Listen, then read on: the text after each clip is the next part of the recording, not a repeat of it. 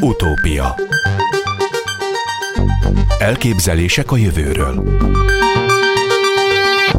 Najman Gábor műsora most már mi is érezzük a kánikulát, de Spanyolországban, Olaszországban közel 50 fok volt az elmúlt napokban, nem beszélve Pakisztánról és India bizonyos részeiről, ahol 53-54 fok volt, és még most is tart a hőség. Itt van velünk Ürge Forsász Dianna, a CEU ökológus professzora. Jó napot kívánok! Jó napot kívánok, üdvözlöm a hallgatókat! Mire számíthatunk a maximum hőmérsékleteket tekintve nyáron? Itt Magyarországon.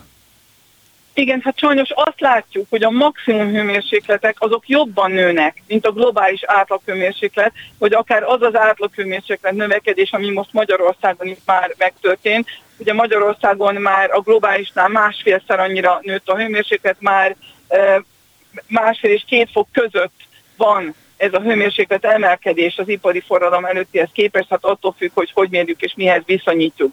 Viszont a maximumokban látjuk, hogy ez dinamikusabban nő. Például, hogyha és nem csak hogy a maximum hőmérsékletek nőnek, hanem a hőséghullámoknak a gyakorisága és hosszúsága és intenzitása is mind nő. Például a, a ENSZ éghajlatváltozási kormányközi testületének a legújabb jelentése szerint az a hőséghullám, ami eddig évszázadokként csak kettőször volt, az, az évszázad második felére 40-szer annyian, tehát év, évszázadokként 80-szor lesz, tehát ez azt jelenti, hogy szinte minden évben lesz egy olyan hőséghullám, és egyenként 5 fokkal lesz, több mint 5 fokkal lesz magasabb a csúcshőmérséklet.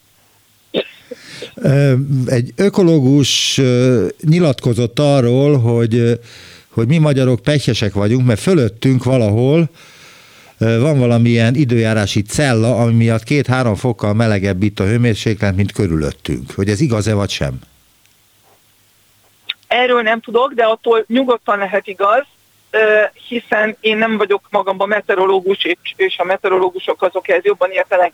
Viszont azt kell látni, hogy nem csak arról van szó, hogy, hogy esetleg fölöttünk van egyszer, egyrészt az, hogy ha hegyekkel vagyunk körülvéve, eleve sokszor beszorulnak a frontok, meg itt, itt dekkolhatnak bizonyos időjárási jelenségek és időjárási viszonyok. Ez az egyik. A másik, hogy amiatt, hogy az északi sarki jeget egyre jobban elolvasztottuk, azt gondolnák, hogy kit érdekelt, messze van, most, most a jeges macik azok nem, nem fogjuk megérezni a jeges macikat, de bizony nagyon jelentősen hat az egész északi félteke időjárására ez, hiszen ami történik az, hogy annak eredményeképpen, hogy a fehér jég, ami visszaveri a napsugarát, az átadja a helyét a fekete tengervíznek, ami viszont uh, szinte csapdába ejti a napenergiát. Ennek eredményeképpen nagyon megváltoztak a légközési viszonyok, és az történik, hogy sokkal lassabban mennek sokszor a frontok, és emiatt tovább dekkolnak egy-egy helyen, és emiatt kialakulnak akár ilyen hőkupola jelenségek, tehát ilyen egymást felerősítő, vagy magát felerősítő időjárási frontok. Ilyeneket látunk például tavaly, amikor Kanadában és Észak-Amerikában volt, vagyis az Egyesült Államok északi részén volt 50 fokos hőség három napig, és ami, ami elképzelhetetlen lett volna tudományosan, nem tudjuk máshogy megmagyarázni, mint az emberi globális felmelegítés eredményeképpen, és ugyan ez érdekes módon magyarázza sokszor a, a nagyon hosszú, mondjuk tavaszi vagy téli nagy hidegeket, és akár hő, hóeséseket, ugyanígy, amikor lassan mennek tovább a frontok, és ez egy kicsit így beragadnak. Úgyhogy igen, sajnos nagyon sokféleképpen alakítja az éghajlatunkat és az időjárásunkat az éghajlatváltozás. Messze nem csak tehát amikor azt gondoljuk, hogy á, egy fok melegedés kit érdekelt, észre se vesztük, de összességében mi is mostanában kezdjük megérteni, hogy milyen sok komplex módon befolyásolja ez e, az időjárásunkat, és általában az életünket, és, és a civilizációnak egyáltalán a, a megélhetését. Egy állásfoglalás volt olvasható az ENSZ VMO bizottsága vezetőjétől, ebből idézek, a globális felmelegedés és az éghajlatváltozás egyéb hosszú távú tendencia, tendenciái várhatóan folytatódnak a légkörben lévő üvegházhatású gázok rekordszintje miatt. Az üvegházhatású gázok növekedése miatt bekövetkező hosszú távú globális felmelegedés mostanra sokkal nagyobb lett, mint a globális átlaghőmérséklet természetes éghajlati tényezők okozta éves ingadozása, idézte a közlemény a VMO főtitkárát Peteri Tálászt. A tisztségviselő magyarázata szerint bár a hőmérséklet felmelegedése 2021-ben nem volt annyira jelentős, mint a korábbi években, a tavalyi év még mindig melegebb volt, mint a La Niña által a közelmúltban befolyásolt évek. Mi a véleménye Péteri Tálász értékeléséről? Hát teljesen jogos. Nyilván azért a világmeteorológiai szervezet az egész éghajlattal kapcsolatos folyamatoknak a fő szakértője, úgyhogy ez teljesen megállja a helyét. Nyilván azért ők olyan szempontból konzervatívak, hogy általában a múltat vizsgálják, vagyis a jelent és a múltat, tehát ők kevésbé foglalkoznak azzal, hogy ez mit jelent hosszú távon, valamint az, hogy ez mit jelent mondjuk a társadalmi, gazdasági folyamatainkra. Az IPCC, az éghajlatváltozási kormányközi testület, amiről említést tett az előbb is, mit gondol a globális felmelegedés mértékéről? Felgyorsult-e, vagy a megbecsült értékeken belül maradt?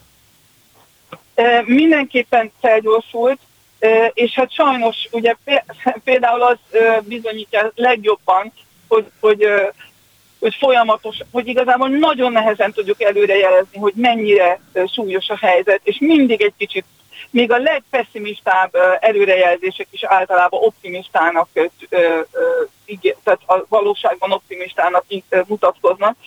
Az például ugye minden értékelő jelentésünkben, ami kb. 7 évente jelenik meg, elkészítjük az úgynevezett izoparázs ábrát. Ez azt jelent, ez azt mutatja, hogy a különböző mértékű felmelegedés függvényében mennyire lesznek durvák a hatások, mennyire lesznek elviselhetőek, mennyire lehet még alkalmazkodni hozzájuk. Ez ugye itt a fehér színnel jelezzük, amikor nincs hatás, sárga, vagy nem veszük észre, sárga, amikor már hát azért bizony érezzük, piros, amikor, amikor már így elég, elég durva, és már nagyon nehéz alkalmazkodni hozzá, és tényleg, amikor már nem lehet alkalmazkodni hozzá. Na most ezt különböző rendszerekre csináljuk meg. Ha összehasonlítjuk azokat az ábrákat, amiket így az elmúlt értékelő jelentések alapján csináltunk, minden egyes értékelő jelentésben lejjebb jönnek a pirosak, és egy, eredetileg nem is volt lila szín. Most pedig, ha megnézzük a legújabb jelentésünket, akkor szinte az egész lila. Tehát minél többet tudunk, annál többet értjük meg sajnos, hogy még ugyanaz a mértékű éghajlatváltozás is jóval durvább hatásokat okoz, és jóval több az a hatás, amihez már nem lehet alkalmazkodni, vagy, vagy szinte lehetetlen alkalmazkodni. A globális felmelegedés miatt csökkenhet az emberi test mérete, mivel úgy tűnik, a kisebb emlősök jobban bírják az emelkedő hőmérsékletet az ősi kövületek egy vezető szakértője szerint. Mit szól ehhez a megállapításhoz? Ehhez nem értek, lehet, hogy igaz, de szerintem az, hogy kicsik vagy nagyok leszünk, ez lesz a legkisebb problémánk, eh, ahhoz képest, hogy mennyire érjük túl ezt az egész globális felmelegedés ügyet. Úgyhogy egyenlőre érjük túl, és akkor szerintem már egyáltalán nem lesz gond. Illetve nem is az, hogy túléljük, mert mint az emberi faj, lehet, hogy még egy még, még egy ideig túléljük azután, hogy a civilizáció összeomlik, de akkor nyilván pár, a leggazdagabbak közül páran még talán túl tudják magukat menteni, csak hát nem tudom, hogy egy mesterség, tehát hogy, hogy az emberi faj élet túl, vagy, vagy mondjuk csak a mesterséges intelligencia magában és az emberi fajon kívül, nem tudom. Ezek már ugye filozófiai kérdések, vagy tudományfilozófiai kérdések, azt gondolom, de a lényeg az az, hogy hogy az lesz a legkevesebb problémánk, hogy most kicsik vagyunk-e, vagy nagyobb. Bizonyos helyeken óriási erdőtüzek keletkeztek, amiket még a kánikula is táplál, és képtelenek eloltani, van, ahol egyébként nem is próbálkoznak oltással. Szibériában például. Ezek, hát a, ezek a tüzek milyen mennyiségű széndiokszidot bocsátanak ki? Tehát először is ugye azt kell látni, hogy sajnos ugye ez az úgynevezett fire weather, tehát a tűz kialakulásához és a tűz táplálásához megfelelő, vagy azt még jobban tápláló időjárás. Ez egyre gyakoribb, egyre több vidéken, egyre több környéken. Lehetséges, hogy előbb-utóbb Magyarországon is kialakulnak majd ilyen viszonyok, amik nagyon kedveznek majd a, a tüzek kialakulásának és, és elterjedésének. Tehát sajnos ezt látjuk normális esetben az, hogy ég egy tűz, és egy természetes rendszert lerombol. Ez önmagában igaz, hogy, hogy kibocsát széndiokszidot, de ez önmagában még nem olyan nagy katasztrófa, hiszen a természetes, azt nagyon fontos látni, hogy azért a természetes ökoszisztémák, a természetes biológiai rendszerek nagyon sokának része a tűz. Sőt, igazából nem tudna olyan jól funkcionálni, ha nem lenne időnként tűz, ami például bizonyos magvakat kikelt, és, és bizonyos például a szekvaják, az óriás vörösfenyők magja csak tűz után tud igazából kicsirázni. Viszont azért nem probléma, mert utána viszont ezek visszanőnek, és amikor ugyan a tízben elég a fa, és kibocsátódik a széndiokszid, de amikor újra benővi ennek a tisztásoknak a helyét újra az erdő, akkor ez szépen újra megkötődik ez a széndiokszid. Itt az a probléma, hogy sokszor olyan mértékű a pusztulás, hogy azt látjuk, hogy már nem tudnak regenerálódni az erdők. Vagy ugye a tűz az csak az egyik hatás, de amúgy is stressz alatt vannak az erdők, hiszen a melegedés eredményeképpen Magyarországon is látjuk, hogy a kártevők sokkal jobban elterjednek, és a betegségek sokkal jobban pusztítják az erdőket, és ilyen sok stressz alatt sokszor nem fognak tudni regenerálni az erdők. Ezt látjuk már, hogy a három hatás közül, ami már most nagyon jelentős hatás az éghajlatváltozatban, ez az egyik, a tömeges erdőpusztulás. És bizony ennek összességében nagyon nagy hatása van a széndiokszid egyensúlyunkra, hiszen ö, ö, a, minél kevesebb az erdő, annál több megkötött széndiokszid szabadul föl és marad hosszú távon a körben. És milyen hatással van a háború a globális felmelegedésre? Az az igazság, hogy erről azért nem annyira szeretek beszélni, mert nyilván vannak olyan, ö, ö, olyan dolgok, amik, amik fölülírják ennek a fontosságát. Tehát nyilván egy háború az, az, az fontosabb ö, megoldani azt a problémát, akármit is tesz az éghajlatváltozással. Ennek ellenére nagyon érdekes, hogy ugyanúgy, mint minden többi krízis, ugye Churchill mondta, hogy sose pazarolj el egy jó kis válságot, mint minden válság egyszerre vagy lehetőség, vagy hatalmas ká, tehát na, vagy nagyon jó irányba lehetőség, vagy nagy káoszra is lehetőség hiszen mindig egy újjáépítést is von maga után. Most nagyon felrázta az energiapiacainkat ez a válság, az élelmiszer piacainkat, hatalmas lehetőség lenne, hogy átgondoljunk egy csomó dolgot, és elinduljunk a zöld, vagy fölgyorsítsuk a zöld átmenetnek a sebességét. Például ugye az, a, a földgáz a kapcsolatos problémára a legfontosabb válasz, a legjobb válasz az lenne, hogy az épületeinket vetjük alá nullenergiás felújításoknak, hiszen a földgáz nagy részét Európában fűtésre használjuk. Márpedig a fűtést ma meg lehet oldani akármilyen energiaforrás nélkül, vagy csak nagyon csekély energiabevitellel, amit akár egy kis elektromos radiátor is meg tud oldani, akár ha valaki jobb módú, akkor mondjuk egy hőpumpa elektromos árammal, csak hát igen, jelentős beruházások, amit nem kéne elvárni, hogy a Józsi bácsi és a Marinéni Filipócson maga teremti meg azt a tőkét, hanem azokat a közpénzeket kellene erre ráfordítani, amiből például most a, vagy azokat a pénzek, amiből például most mondjuk további földgázinfrastruktúrát építünk, amiből földgáztárolókat építünk. Tehát sajnos még mindig a rossz irányba léptünk, ahelyett, hogy, hogy ezt kihasználnánk, és a zöld átmenetet gyorsítanánk föl, ahelyett újra még jobban belakatoljuk magunkat egy forróbb jövőbe, egy energiapozadóbb jövőbe, egy olyan jövőbe, ahol folyamatosan ki vagyunk téve az energiárobbanásoknak, a, az energia importfüggőségnek, a, és az, hogy más országokon függünk pontosan amiatt, hogy importálnunk kell. Sokkal jobb lenne mindenkinek, ha végre az igazi megoldásba investálnánk, ami hosszú távon megoldaná a energiaimport függőségünket, a földgáz függőségünket, a környezeti válságot és az embereknek a szegénységi problémáját, hiszen ha nem kell energiára költeni, azzal nyilván nagyon sokat nyer minden magyar család és vállalkozó, sőt egész európai család és vállalkozó. És milyen hatással lenne a világ éghajlatára, ha atomcsapások is történnének? Hát nem hiszem, hogyha atomcsapást történik, akkor a legnagyobb problémánk az, az hogy az éghajlat hogyan változik. De hát ugye tudjuk, hogy, hogy lehet atomháború eredményeképpen lehet egy nukleáris tél, tehát egy lehet egy lehűlés, de hát nem hiszem, hogy így akarjuk megoldani a globális felmelegedést. Mit szól ahhoz, hogy bizonyos helyeken, például Finnországban hatalmas atombunkereket építenek, már építettek is, ahol szinte az egész ország elfér, és ami kivédi az extrém időjárásokat is. Mi a vélemény erről? Na most lehet bunkereket építeni, de most nekem az a kérdésem, hogy, hogy milyen az élet egy atombunkerben. Tehát az élet. Én azt gondolom, hogy inkább a problémák gyökerét kellene megoldani, és jó, persze, nagyon nehéz, de abban a pillanatban, hogy az ember elkezdi a saját kis pecsenyét sütögetni, a saját kiútját keresni, abban a pillanatban nem lesz érdekelt abban, és nem fog annyi energiát belefektetni, hogy a közös problémáinkat oldjuk meg. És pontosan ezért vagyunk ilyen nagy bajban, mert az emberiség ahelyett, hogy közösen belátná, hogy mindenkinek a jövője jobb, ha együttműködünk, és, és ha nem, nem egy önző lényként saját magunk használt maximalizálgató lényként működünk, hanem egy közösségi lényként. Tehát amíg ezt nem látjuk be, addig, addig sajnos nem igazán van hosszú távú jövője a civilizációnak.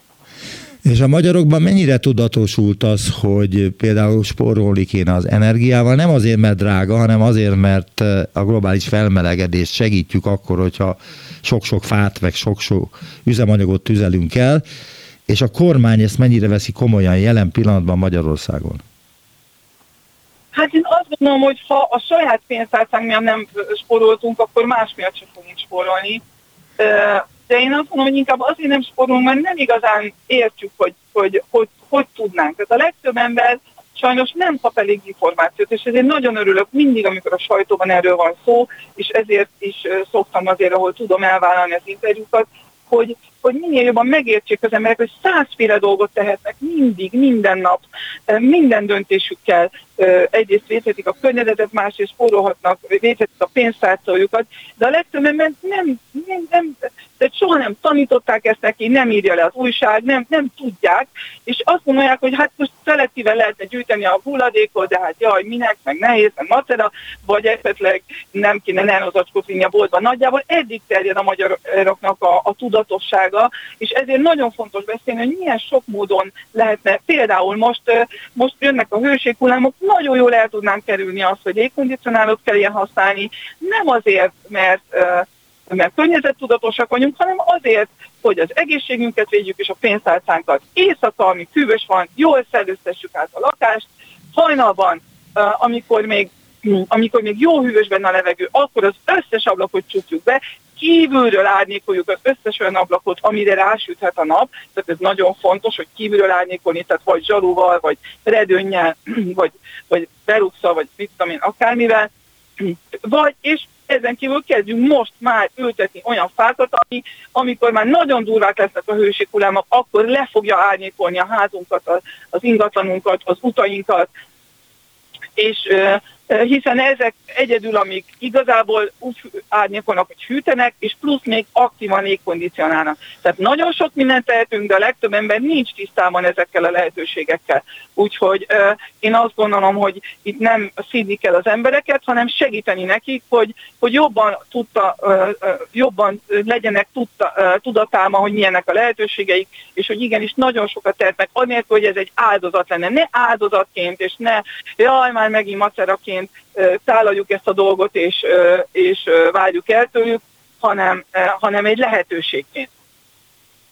Igen, de kérdeztem egy másikat is a, ebben a kérdésben, hogy a kormánynak a tevékenységét ez ügyben hogy látja?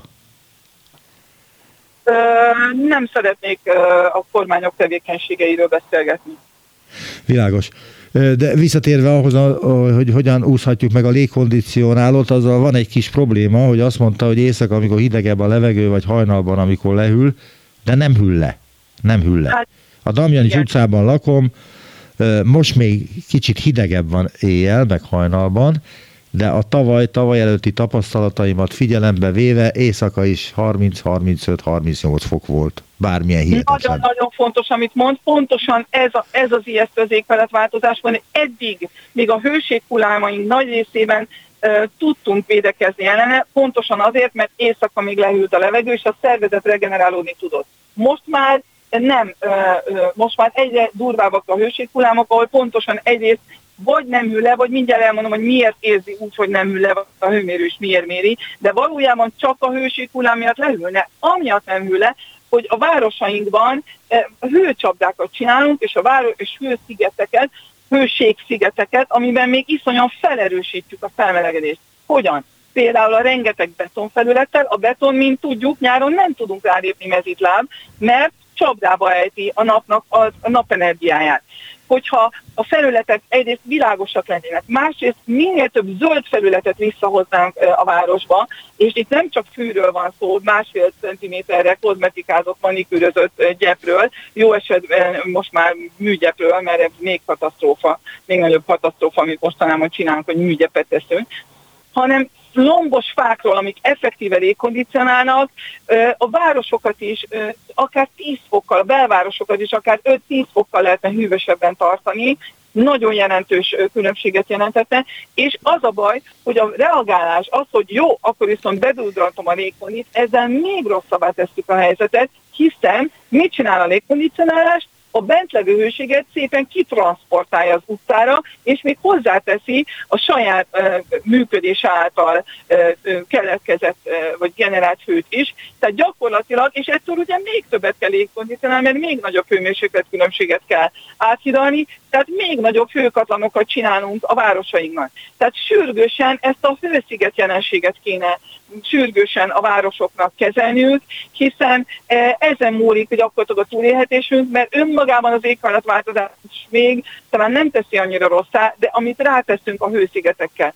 Igenis, nagyon fontos lenne utak helyett és beszodozás helyett inkább zöld felületeket telepíteni, minél többet visszatelepíteni a fákat, zöld falakat, zöld, hát a zöldtető az, az egy kicsit bonyolultabb, de zöld falak, erkélyekre, tehát minél több zöldet integráljunk vissza a városunkba, és akkor sokkal jobban meg fogjuk tudni védeni magunkat attól, hogy amikor amúgy azért nem lenne annyira hőség éjszaka, csak a meteorológiai hőséghullám miatt, a, sőt, egy meteorológiai hőséghullámban is azért e, ilyen e, nagyon jól e, megtervezett módszerekkel és zöld infrastruktúrával és, és kék infrastruktúrával, tehát vizes területekkel a városokban, ezekkel azért viszonylag mérsékelten lehet tartani a melegedést, és elviselhetőbbé tenni a városokat.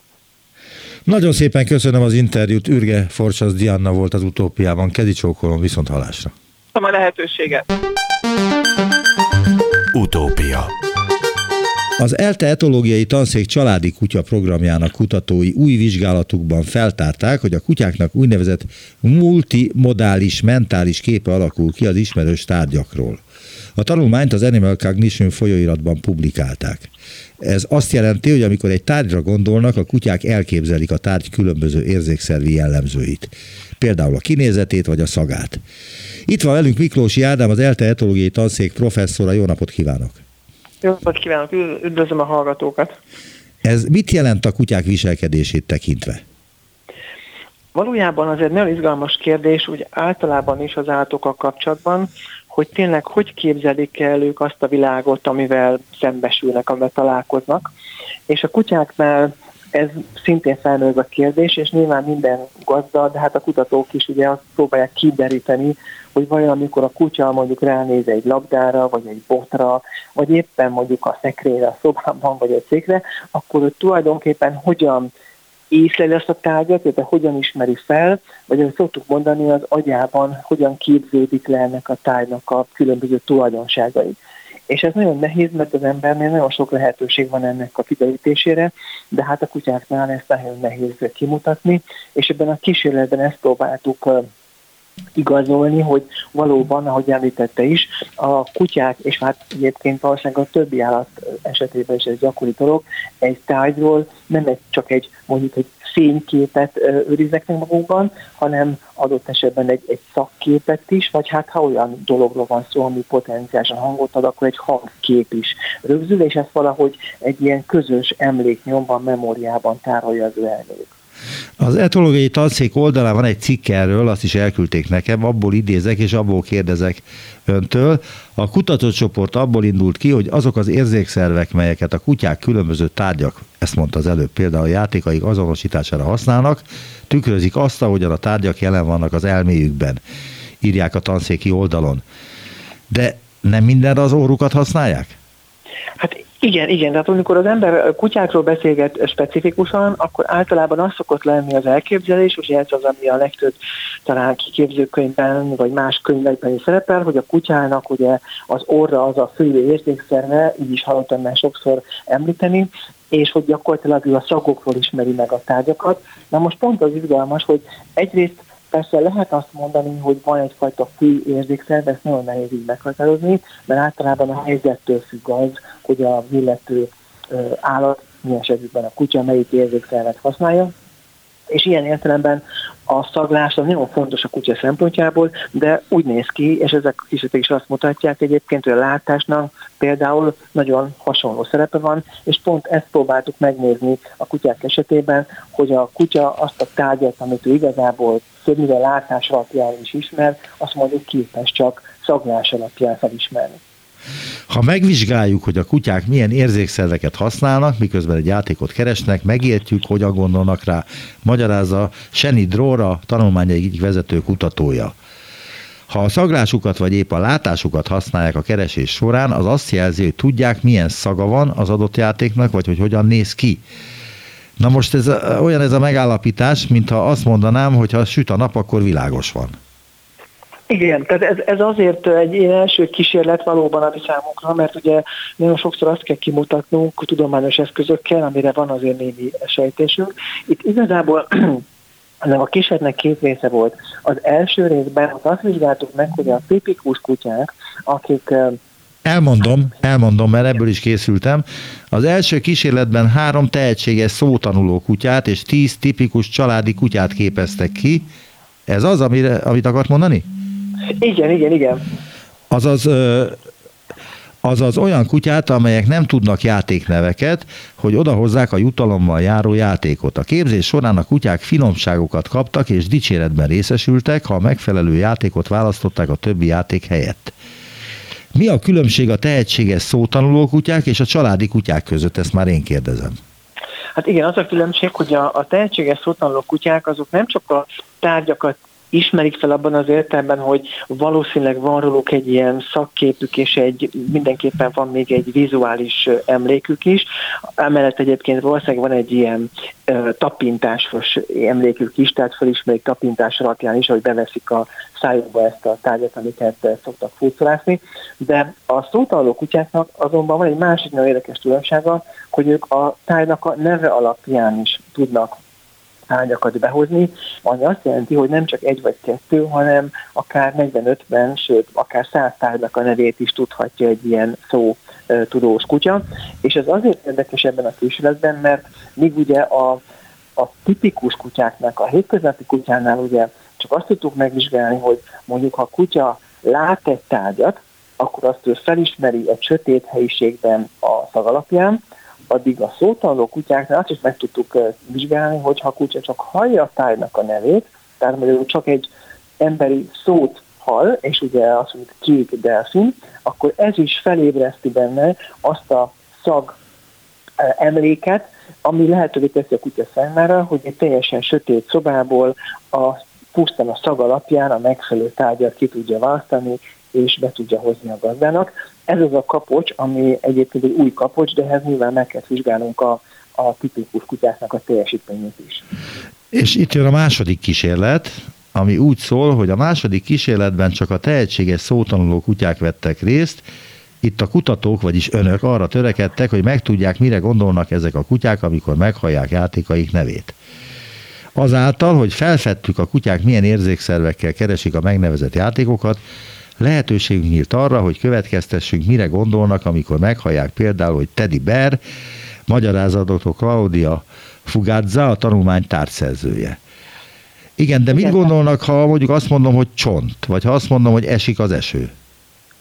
Hát a, a csont esetében mindig az a kérdés, hogy a kutyák egyáltalán, a, vagy az az adott kutya, ugye a csontot, mint uh, emberi vokalizációt, tehát mint egy kiejtett szót, azt össze tudja egyáltalán kötni valamilyen konkrét tárgyal, mondjuk egy csonttal, vagy esetleg egy csontformál játékkal, amit a gazda így nevezett el. Na most úgy tűnik, hogy erre például nem képesek a tipikus kutyák. A tipikus kutyáknak az az izgalmas, hogy ott úgy néz ki, hogy csak a látás, tapintás és a szaglás az, ami egy tárgy emlékképét fel tudja idézni az ő elmékben. Tehát hiába mondom én egy tipikus kutyának, hogy hozd a kék delfint, a zöld, zöld almát, a nem tudom milyen, a nagy, nagy frisbit, vagy akármit, ezek a kutyák erre képtelenek. Ez a fajta inger, ez a fajta jelzés, ez nem ébreszti föl az elmékben, nem aktiválja az elmékben az adott tájnak a képét. Erre ők nem képesek. Erre csak a szótanuló kutyák képesek. Egyébként ez a képesség adja amit az embernek is a sajátja, hogy egy tárgynak nem csak a szagát, formáját és a kinézetét tudjuk megtanulni, hanem a nevét is, egyfajta, ami egy egyfajta akusztikus mintázata tulajdonképpen ennek a tájnak a mi elmében, még akkor is, hogyha ez nem közvetlenül kötődik egy tárgyhoz. Tehát ugye a tárgynak a neve, azt úgymond én ragasztom rá, és ez teljesen önkényes. Tehát ugye egy, egy, tudom, egy sárga labda az ilyen sárga, meg, meg gömb alakú, de az, hogy azt én sárga labdának hívom, vagy mit tudom én, teljesen más szavakat használok, ugye más nyelven, az az én döntésem, és ez az izgalmas ezeknél a kutyáknál, hogy ők ezt is meg tudják tenni, hogy egy, mondjuk egy milyen dimenziót adnak ez a tárgy képhez, ami az ő elméjükben megjelenik, és ez szerintem egy izgalmas lépés arra, hogy megértsük például azt, hogy milyen különbségek tudnak kutyák között lenni, és ezek a szó tanuló kutyák ebben nagyon specifikusak és különlegesek.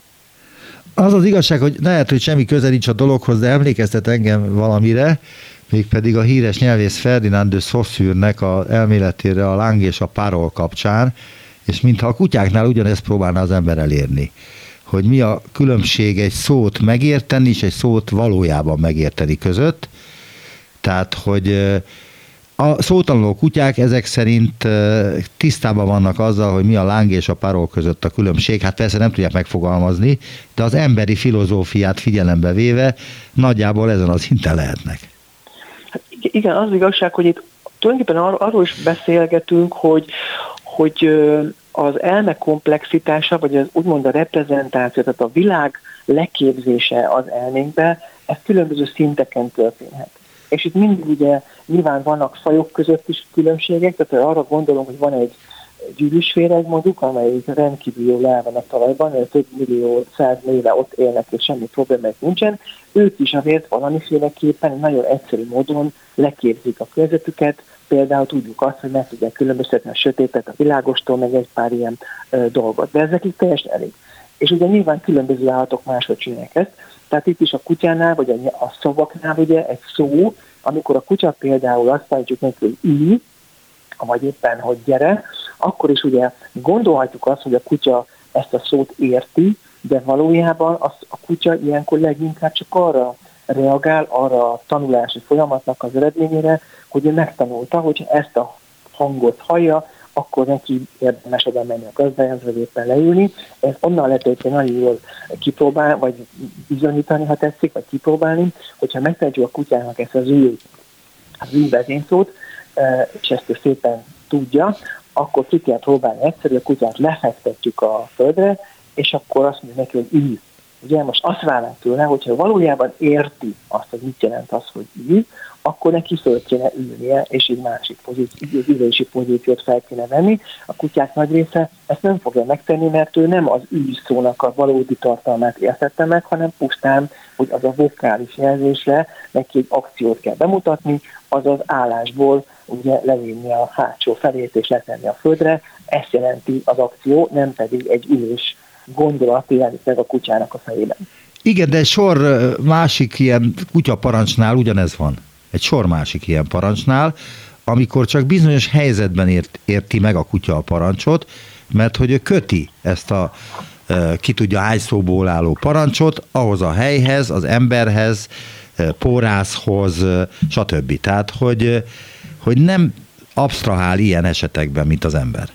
Igen, hát igen, ezben az izgalmas, hogy mi azt kérdezzük meg, hogy persze van, amikor azért a kutyák is képesek ilyen abstrakciókra, és pont a szótanulók ügyek esetében ott kiderült az, hogy ők, ők, ők igenis tud, meg tudják tanulni, vagy felismerik azt a dolgot, hogy például, hogyha egy ilyen szótanuló kutya aznak van mit tudom, milyen zöld frisbee, kis frisbee, sárga frisbee, stb., akkor ő meg tudja azt már az elmében, meg tudja alkotni a frisbee-nek a fogalmát. Tehát meg, nála megjelenik az, hogyha sok új tárgyat lerakunk például, és köztük egy olyan fizbe, amit még sose látott, mert előtte vettük a boltba, és most tesszük le a kutya elő először, és azt mondjuk, hogy hozd a fizbit, akkor ő ki tudja választani a fizbit az új tárgyak közül, még akkor is, hogyha vannak karikák, meg hasonló ilyen kerek tárgyak, amiből arra következhetünk, hogy náluk megjelenik egyfajta ilyen koncepció képzés az elmékben, pontosan ami köthető az emberi szavaknak a funkciójához ilyen értelemben. Azt írják ebben a tájékoztatóban, a honlapjukon, hogy a kutyáknak jó a szaglásuk, de azt tapasztaltuk, hogy szívesebben hagyatkoztak a látásukra, és csak néhányszor használták az orrukat, szinte csak lekapcsolt világítás mellett. Magyarázza Miklósi Ádám professzor, vagyis ön az ELTE etológiai tanszékének vezetője és a tanulmány tárgyszerzője. A kutyák leggyakrabban és hosszabb ideig szimatoltak a söt, kutyák gyakrabban és hosszabb ideig szimatoltak a sötétben, 90%-kal több időt töltöttek szimatolással, amikor lekapcsoltuk a lámpákat, de ez még mindig csak a keresés idő 20%-a volt. Na most az én kutyám egy Weimári Vizsla 9 éves ivaros, és kizárólag az orrát használja akkor, ha például egy másik kutyával szeretne megismerkedni, és hiába látja egy másik kutyáról, hogy az is kan, de ivartalanított, elkezd udvarolni neki, pedig látja, hogy fiú a másik kutya, és felülírja az, amit az orrával érez, mint, azt, amit a szemével lát. Igen, ezek, ezek, ezek az izgalmas kérdések.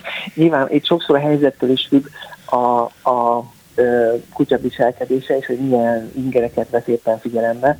Egyébként tipikusan az emberrel a interakcióban nagyon erősen dominál a látás a kutya esetében. Erre nagyon sok adatunk van kísérletekben is, hogy amikor valami kutya egy emberrel, emberrel néz, vagy emberrel van éppen interakció, akkor inkább figyel, mint sem, hogy szagol. Ez egyébként valóban fordítva van mondjuk kutyákon belül, tehát a, a fajtások azok egymástól nagyon sok olyan információt kapnak, amit, amit szaglásra tudnak elsősorban megszerezni. Na akkor itt álljunk meg egy pillanatra. Igen. A Weimári Vizsla nagyon jó szaglású kutya, óriási orra van, állítólag az egyik legjobb szaglórend szervel rendelkező állat. Uh-huh. Az én kutyám leszokott táborozni egy-két szag mellett egy fánál, nem csak azért, hogy nyalogassa, hanem a fene tudja miért. Ön tudja, hogy milyen információkat lel egy kutya egy szagból az utcán? Hát, hát hogy mondjam, ez így nehéz megítélni nyilván fejből, attól függ, milyen szagról van szó. Tehát például, hogy egy kutya szaga van azon a fán, akkor abból könnyen el tudom képzelni, hogy nem csak a kutyának az ivarára lehet következtetni, abból adott esetben a korára is. Azt el tudom, külön, el tudom képzelni, hogyha az ön kutyának sok tapasztalata van különböző fajtájú kutyákkal, akkor lehet, hogy neki arra is van emléke, hogy az melyik fajtának lehet a szaga inkább. Adott esetben, ha olyan helyen járnak, ahol ismerős kutyákkal találkoznak, akkor például az a szag szólhat az egyedről is, tehát egyed specifikus szagot is ugye a kutyák képesek kiszagolni, vagy legalábbis is felismerni. Tehát egy szagban rendkívül sok információ van. Nyilván, hogyha mondjuk éppen valaki egy kis benzint lötykölt a fa tövére, ami elég egy, egy, egyértelműen valamilyen más szag, az lehet, hogy kutya számára egyáltalán nem érdekes, és oda szagol és ott hagyja. Tehát ugye a probléma az az egyébként pont az ember szempontjából, hogy mi a visszaglásról nem azt mondom nagyon rossz, de annyira nem is nem használjuk a hétköznapéletben, és a kísérleti meg kutatási eszközeink is nagyon ö, kevéssé fejlesztek, ahhoz, hogy a szagokról mi sokat megtudjunk a magunk eszközével. Tehát amikor egy kutyának egy ilyen szag izgalmas, azt úgy nagyon bonyolultan tudnánk csak megvizsgálni különböző kémiai laboratóriumban, és még akkor se tudnánk, valószínűleg jutnánk messzire, ezért főleg ilyen feltételezéseken alapszanak ezek a megfigyelések, de más az akusztika és a látás, mert ott ugye nagyon jól, könnyen ki tudunk a saját fülünkkel is hallunk dolgokat, vagy pedig látjuk a szemünkkel még jobban, mint a kutyák. Tehát azt pontosan tudjuk, hogy a látvány, illetve a, a hallás alapján a kutyáknak milyen információ rendelkezése. A szaglás az ember számára egy kicsit egy ilyen fehér folt ebből a szempontból. Tehát ott a mi ismerteink igazából csak hipotéziseken alapulnak. Hát már csak azért is fehér folt, mert nem tudjuk, hogy ez mennyire gyorsan terjed Holott, nem is beszélve. Holott, holott azt mondják egyesek, hogy ez majdnem olyan gyorsan terjed, mint a hang, vagy mint akár a fény bizonyos helyzetekben, tehát hogy a szag az egy rendkívül fontos ilyen vivő energia, vagy valami ilyesmi, ami a kutyáknak az életét alapvetően meghatározza. Igen, itt az a, az a nehézség egyrészt, hogy ez nem, lát, nem látjuk a szagokat, ugye, de azért vannak persze elképzelések, hogy ezek molekulák lényegében. Tehát ugye úgy kell elképzelni, mint hogyha a ilyen kis hát molekulák a levegőben, ami szintén sok levegő molekulának az elegye, abban úgy terjednek, csak az a probléma ugye a szaggal, hogy általában a szagok azok nem kvázi ilyen légüres térben jelennek meg, hanem a természetben, vagy, vagy olyan helyen, ahol a levegő mozog. És ezért nem csak arról van szó, hogy van egy szakforrás, ahonnan szépen, mint mondjuk amikor az ember a sprével kifúj, akkor lehet tudni, hogy honnan indulnak a szagmolekulák és milyen irányba haladnak, hanem ugye a szakforrást azt a szél befolyásolja, és nyilván az idővel pedig ez a diszperzió, ez a szóródás, ez egyre nagyobb lesz. Tehát például nagyon azt sem lehet tudni igazából még, hogy amit ilyen vannak ilyen elméletek vagy teóriák, hogy most igazából amikor a kutya egy nyomot keres, akkor mennyire a, a mondjuk a vad által ott hagyott, vagy az ember által ott hagyott szagnyomot keresi, vagy pedig azt a zavarást veszi észre, ugye, amit az az illető keltett a testével fizikailag azon a szag ösvényen, ami egyébként ott volt.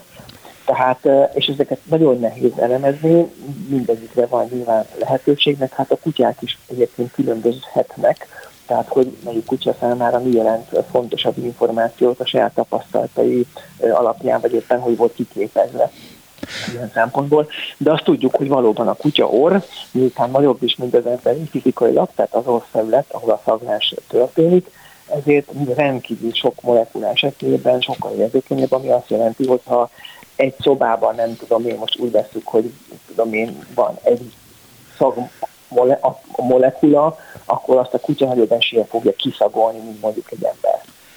És az átszázással hogy állnak a kutyák? Mert hogy az én kutyámnál megfigyelhető az, de hát nekem több kutyám volt, tehát egy elég komoly, kb. 50 éves tapasztalatom van a kutyákkal, személyes tapasztalatom. Kutatói vagy tudományos nincsen természetesen. De azért megfigyeltem egy csomó dolgot. Az én kutyám például rendkívül fontosnak tartja a saját szagát, de uh-huh ennek ellenére miért kell neki esetleg ö, kakiba vagy döglött halva megfetrengenie, ami az álcázásról szól? Hogy az miért fontos? Illetve miért nem engedi, hogy megfürdessük otthon, illetve miért fáj neki az, hogyha megfürdetjük, és kvázi a szaga eltűnik egy pár órára? Hát az igazság, hogy ez nagyon egy kutyától is függ. Ugye ez a, a, a meg, meg merítkezés más illatokban, ennek tényleg emögött is sok elképzelés van, pontos dolgot nem tudunk, azért lehet látni, hogy nem minden kutya csinálja, egyéb, mármint, hogy kutya egyed, nagyon sokan csinálják, de nem mindenki. És a másik az, hogy ez feltettünk egyébként maga a viselkedés, az egy ilyen tényleg egy öröklött mintázat, ami azt jelenti, hogy amikor a kutya adott esetben adott kutya meglát, meglát, megérzi azt az illatot, akkor tényleg benne ez a magatartás kiváltódik nagyon sok kutyában egyébként nem változik ki, tehát azért ez, ezek nem, nem arról van olyan, mint az ugatás. Tehát ön azt mondja, hogy ez abszolút ösztönös viselkedés, és kvázi majdnem, hogy reflexzerűen történik. Igen, és amikor a, ha a kutya olyan, tehát olyan kutyánk van, akiben ez tovább öröklődött, vagy az a fajta, amelyik inkább jellemző, ott, hogyha a szag megjelenik, akkor ezt neki úgymond csinálni kell. Nyilván megfelelő tréninggel le lehet a kutyát erről nevelni, főleg ha az ember kiskorban ott van, de hát ezt ha az ember elmulasztja, vagy éppen nem annyira zavarja, akkor nagyobb esélye felmarad. A fürdés az megint egy, megint egy másik dolog, ugye ez olyan, mint a, hát szerintem ha mindenki megfürdik, maga is érzi azt, hogy akkor azért átalakul a, jó, a tulajdoni felfrissülünk, főleg ilyen melegben, de átalakul az egész um, szag állapotunk, ezért részben is szoktunk egyébként emberek mármint civilizált emberek pont ezért tudunk, hogy a szagoktól megszabaduljunk. A kutyának ez nyilván egy megint nagyon furcsa érzés, hogy egészen mást érez utána, nem minden érzi valamilyen szinten a saját magát, vagy nagyon sokszor a fürdős közben is, ha csak nem csak vízzel fürdünk, akkor vagy, vagy mosószer is, vagy ilyen csampon belekerül rendszerbe, akkor nyilván az még kellemetlen is lehet, vagy legalábbis idegen a kutya számára. Egyébként tehát nem megint ez a fürdésmérés volt, a víznek is van szerepe, nem minden kutya vízkedvelő olyan mértékben, tehát itt sok minden közreátszik. Nem feltétlenül az idegen szag eltávolítása zavarja a kutyát, hanem az, hogy utána egy darabig nem tudja magát kutyának érezni, amik ezek a testvérigyek megint be nem aktiváló, aktiválódnak és előállítják az ő természetes szagát, ami benne jól érzi magát. Nagyon szépen köszönöm az interjút. Miklós Jádám az ELTE etológiai tanszékének vezető professzora volt a vendégem. Viszont hallásra, minden jót! Köszönöm szépen a lehetőséget, viszont hallásra, minden jót! Visszaértünk a jelenbe. Neumann Gábor utópia című műsorát hallották.